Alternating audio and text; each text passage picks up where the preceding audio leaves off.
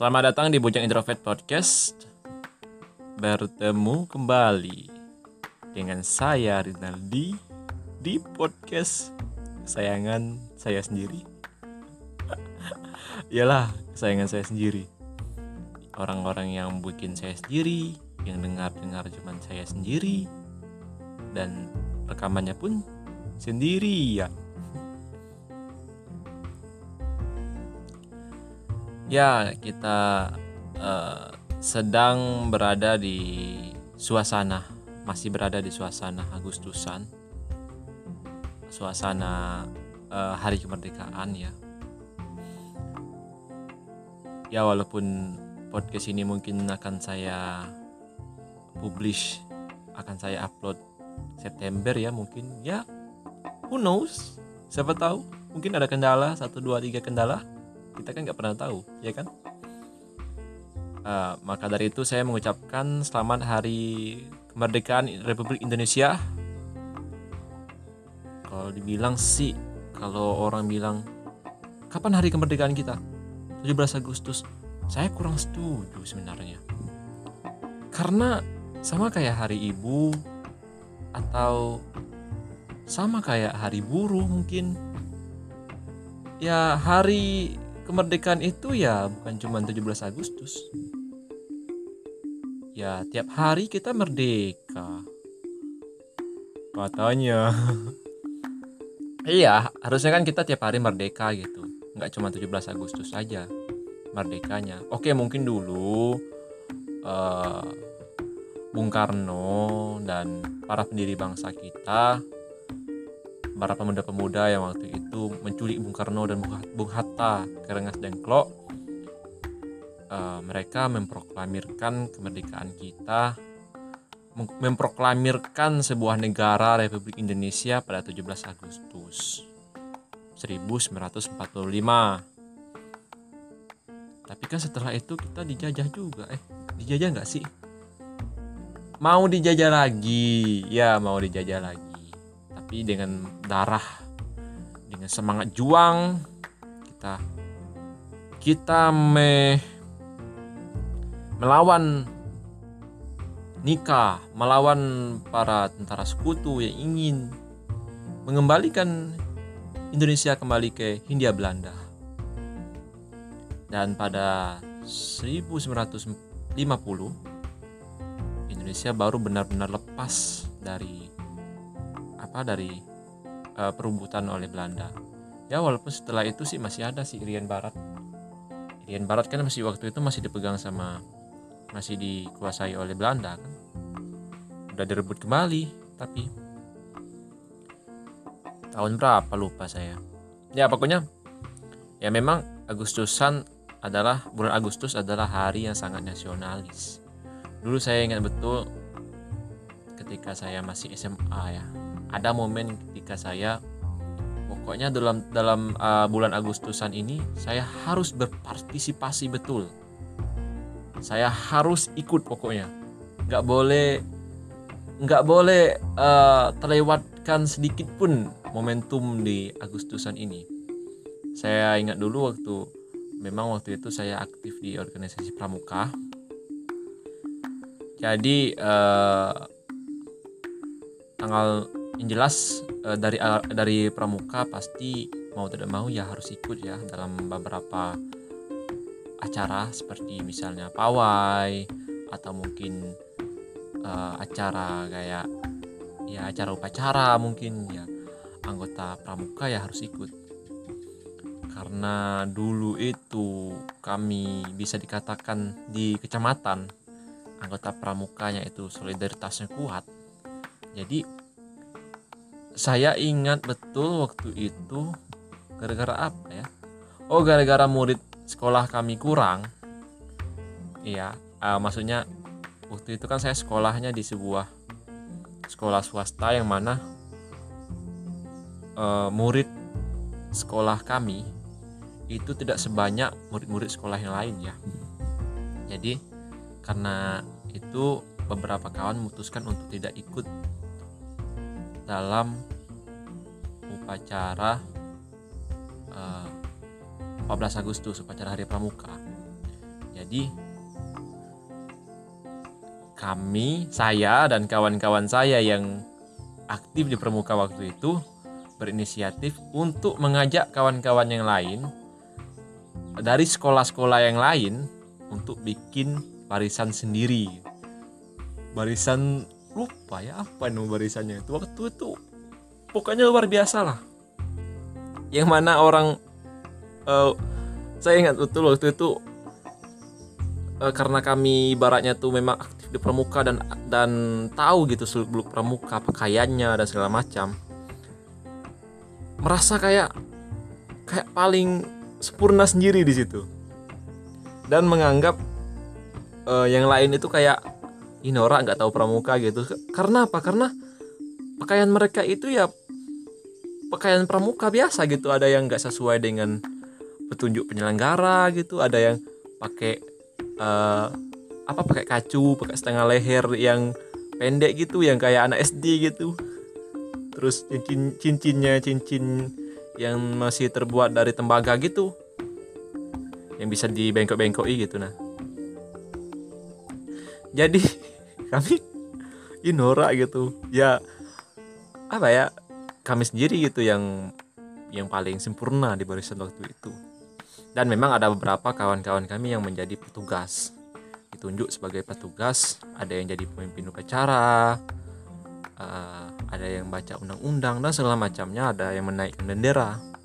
Itu memang dari kawan-kawan kami yang memang memang bisa dikatakan aktif di pramuka dan mempunyai kartu pramuka secara legal ya ya pokoknya uh, waktu Agustusan itu adalah momentum di mana saya tidak tidak mau melewatkan sedetik pun acara-acara. Kemudian momen yang kedua yaitu ada eh, kalanya saya waktu itu kelas 3 SMA. Saya sekolahnya SMK ya, SMK swasta gitu. Nah, waktu itu waktu saya kelas 1 dan kelas 2 itu nggak nggak pernah ikut paskib ya. Sebenarnya mau ikut paskib tapi entah kenapa kok nggak pede gitu nah. Padahal kawan-kawan itu banyak yang ikut paskib ya maka dari itu saya malah saya malah milih jalur yang lain kayak pramuka itu tadi. Kemudian pas tahun ketiga entah kenapa saya mau ikut paskibra gitu. Paskibra tingkat kecamatan. Nah ikutlah saya. Padahal waktu itu saya kalau bisa dikatakan ibarat anak kalau di jenjang SMA nya itu saya itu paling senior ya. Bentar lagi mau lulus loh mau UN bayangkan. Udah tua-tua gitu. Oh saya merasa kayak udah paling tua padahal padahal banyak banyak sih kawan-kawannya senior yang setua dengan saya gitu. Ya walaupun ada beberapa yang manggil saya adik gitu. Di di padahal kan kita satu kelas cuy. Kita satu kelas. Ya. Apa anda manggil saya adik? Hmm. Ya saking gimana ya? Oh mungkin saya positif thinking aja ya. Mungkin dia manggil saya adik itu karena saya muka saya ini awet muda mungkin waktu itu hmm saya curiganya begitu sih. Nah ikutlah saya paski. Latihan waktu itu ingat betul saya? Saya kira kan dites kan pertama dites dulu mau dipilih-pilih tuh sama pelatihnya. Mana yang pasukan 45 mana yang pasukan 8 mana yang pasukan 17 jadi ceritanya uh, hierarkinya kayak gini. Pasukan ini mohon maaf ya kalau salah ya. Bisa kalian kalian koreksi ya kalau salah. Pasukan 8 itu yang bawa bendera kalau nggak salah di tengah-tengah itu. Yang bawa bendera yang tiga orang dua apa yang satu cewek megang dua ada sampingnya bawa apa uh, mengiring gitu di samping-sampingnya mendampingi. Kemudian yang paling depan itu pasukan 17 ya kayak pasukan yang paling banyak setelah uh, pasukan 8 tadi. Nah yang paling belakang yang paling banyak paling banyak itu pasukan 45 setelah dites sayanya alhamdulillah saya masuk pasukan 45 buat yang belum tahu yang belum pernah ikut paskib dan nggak tahu ya nama-nama pasukannya pasukan 45 itu adalah pasukan yang paling kacau di barisan paskib kecamatan. Padahal kami itu udah udah mati-matian gitu udah pertama ya. Kunci pertama untuk supaya serentak supaya seragam dalam melangkah yaitu dengarkan suara. Suara hentakan kaki. Jangan lihat kaki, tapi dengarkan suara hentakan kaki. Rup, rup, rup, rup. Tapi tiba-tiba pas hari H, rudup, rudup, rudup, debruk, debruk, debruk, debruk. Itu kalian tahu apa ekspresi orang-orang tua kami yang lihat dari dari tepi tepi lapangan itu tutup muka cuy tutup muka malu itu anak aku kenapa kayak gitu jalannya? Tapi memang banyak sih hikmahnya. Hikmah uh, kami waktu itu latihan paskib itu kalau nggak salah satu bulan ya. Dan latihannya waktu itu pada waktu bulan Ramadan. Karena waktu itu tahun 2013 itu 17 Agustusnya uh, setelah Lebaran kalau nggak salah. Ya setelah Lebaran itu 17 Agustusnya setelah Lebaran. Jadi latihannya itu ya satu bulan sebelumnya. Emang waktu Lebaran kami diliburkan ya. ya latihan itu luar biasa pokoknya hmm, udah bukan bukan hampir ya ya, ya hampir kayak orang latihan militer gitu. Cuman bedanya nggak ada nggak ada senjata aja. Kami nggak dikasih senjata. Guling sana guling sini push up yang salah push up. Terus ada yang saling ajarin gitu. Nah, itu udah mati-matian itu udah udah udah nahan haus sudah memang ada beberapa kawan yang yang nyerah gitu. Yang nyerah. Aduh aku nyerah. Nggak kuat lagi aku. Ale-ale itu diminumnya di depan kami. Dasar orang tidak berakhlak. Aduh. Uh, ingat juga dulu itu satu beberapa hari kalau salah ya. Setelah jadi kan setelah Lebaran itu kami libur terus ada beberapa tenggat beberapa hari gitu uh, menjelang hari H upacara dan di sana kami juga pernah diancam sama pelatihnya. Ancamannya ingat betul saya waktu itu katanya. Kalian kalau salah, kalau kalian tidak serentak apa pun sedikit sedetik pun salah kesalahan kalian, kalian lihat kolam di bawah itu. Memang waktu itu dia ngomongnya dekat kolam, kolam di kayak jadi rimba-rimba gitu kalian lihat besok setelah kalian berbuat kesalahan setelah upacara kalian harus nyebur ke sana katanya. Uh, waktu itu dengan mental yang mental yang ketakutan dengan mental yang uh, yang menakutkan deh takutan menakutkan sama aja. Ya pokoknya gitu. Kami pokoknya pokoknya besok kami tidak mau nyebur ke kolam itu. Kami harus betul harus kompak tiba-tiba besok. Kacau. Memang sih acaranya hikmah tapi uh, prosesi pengantaran bendera itu yang kacau apalagi di pasukan 45 itu. Dan ya uh, buktinya nggak ada sih kami dicebur-cebur seperti yang dijanjikan oleh Pak Pelatih. Ya mungkin Pak Pelatihnya cuma mau menanamkan semangat aja dalam kami supaya nggak ada kesalahan sedetik pun Bu, pokoknya uh, itu adalah pengalaman yang sangat menarik ya sangat uh, luar biasa sekali bangga. Saya ingat dulu betul itu ketika kami mengibar bendera mengiring bendera gitu dengan hentakan yang luar biasa. Truk truk. Itu banyak sekali yang saya bayangkan di otak saya itu. Setiap hentakan saya selalu memikirkan mantan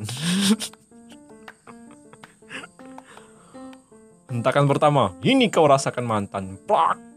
Ini kau rasakan mantan. Bruk bruk bruk bruk bruk. Mantan saya saya injak injak tapi nggak saya injak beneran sih. Maksudnya secara filosofis gitu secara analogis semangat saya itu dipompa oleh ingatan saya ter terhadap mantan. Au ah. Ya pokoknya banyak sekali hikmah yang saya dapatkan setelah ikut paskib.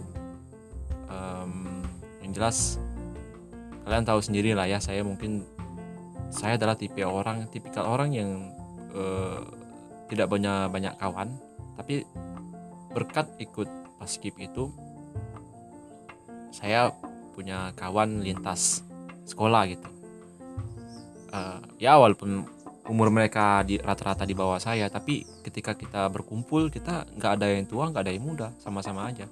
Karena saya orangnya juga nggak suka sih uh, memudah-mudahkan orang dan mentua-tuakan diri sendiri itu saya nggak suka. Tapi entah kenapa ya ya mungkin ini refleksi diri juga ya. Ada kalanya saya itu merasa tua merasa kayak misalnya ada beberapa kawan gitu yang lebih muda daripada saya terus mereka kayak bersikap nggak sesuai nggak apa bersikap yang uh, nggak wajar. Saya kayak ini anak kurang ajar. Padahal kan ada orang tua di sini. Aku. Tapi saya masih di beberapa uh, di beberapa keadaan di beberapa momentum saya masih merasakan kalau dari saya ini masih masih muda ya. Karena toh ketika kita berkumpul dengan orang muda orang lebih itu lebih muda daripada kita daripada kita nggak semua hal yang bisa kita lakukan dibanding mereka. Karena ada beberapa uh, anak-anak uh, muda yang anak yang lebih muda daripada kita mereka tahu itu melebihi apa yang kita apa yang kita tahu. Dan ya eh, tadi kita uh, saya mendapatkan banyak kawan. Memang sih saya di sekolah juga ada kawan tapi kan ya satu dua tiga empat lima enam ya mungkin satu kelas itu ya kalau bisa dianggap kawan ya. Tapi kan itu tadi saya udah saya jelasin tadi bahwasanya ya sekolah kami siswanya tidak sebanyak sekolah lain tapi karena saya ikut ikut organisasi pramuka terus aktif di pramuka di kecamatan terus ikut lagi paskib ya otomatis kawan saya itu bertambah ya walaupun banyak sih kawan-kawan yang saya paskip tadi ini yang ikut paskip tadi ya kawan-kawan pramuka saya juga. Banyak. Um, dan setelah itu uh, beberapa tahun berikutnya uh, Agustus Agustus tahun berikutnya saya sudah mulai kuliah. Dan ada momen saya pulang pas Agustusan dan saya waktu itu belum terlalu aktif di pramuka. Maksudnya uh, setelah lulus dari sekolah saya memang masih ada jiwa pramukanya tapi nggak ikut pramuka di kampus gitu. Nah saya pulang ke kampung dan saya pas acara upacara 14 Agustus itu uh, anggota-anggota pramuka yang dulu pernah aktif di kecamatan gitu masih masih mengadakan acara acara-acara pramuka. Jadi ya saya ikut-ikut mereka aja gitu. Ya pokoknya luar biasa lah uh, momen-momen atau pengalaman-pengalaman yang seru-seru ketika uh, menjelang atau sesudah 17 Agustus hmm, karena bagi saya sendiri 17 Agustus atau uh, bulan-bulan Agustus adalah bulan yang yang sangat bagus untuk menampakkan diri. Wow, dulu ketika saya masih anak-anak muda yang hangat yang panas ya. Sekarang masih panas sih cuman panasnya kadar panasnya berbeda dari yang dulu. Saya pokoknya harus aktif gitu harus orang-orang harus tahu saya. Orang-orang harus tahu kalau ada Rinaldi di dunia ini. Ah sekarang mah bodoh amat. Mau kenal aja alhamdulillah kalau nggak kenal ya apa untungnya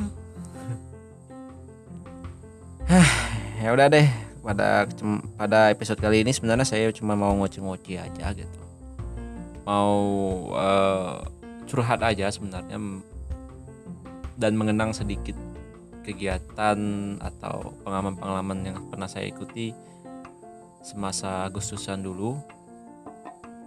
Kalau sekarang sih saya lihat agak miris ya. Maksudnya uh, Agustusannya nggak seseru nggak seseru dulu, nggak seseru waktu ya oke okay lah ada pandemi. Nah itulah tadi penyebabnya adalah pandemi. Karena pandemi ini orang-orang tidak bisa ikut pasukan paskib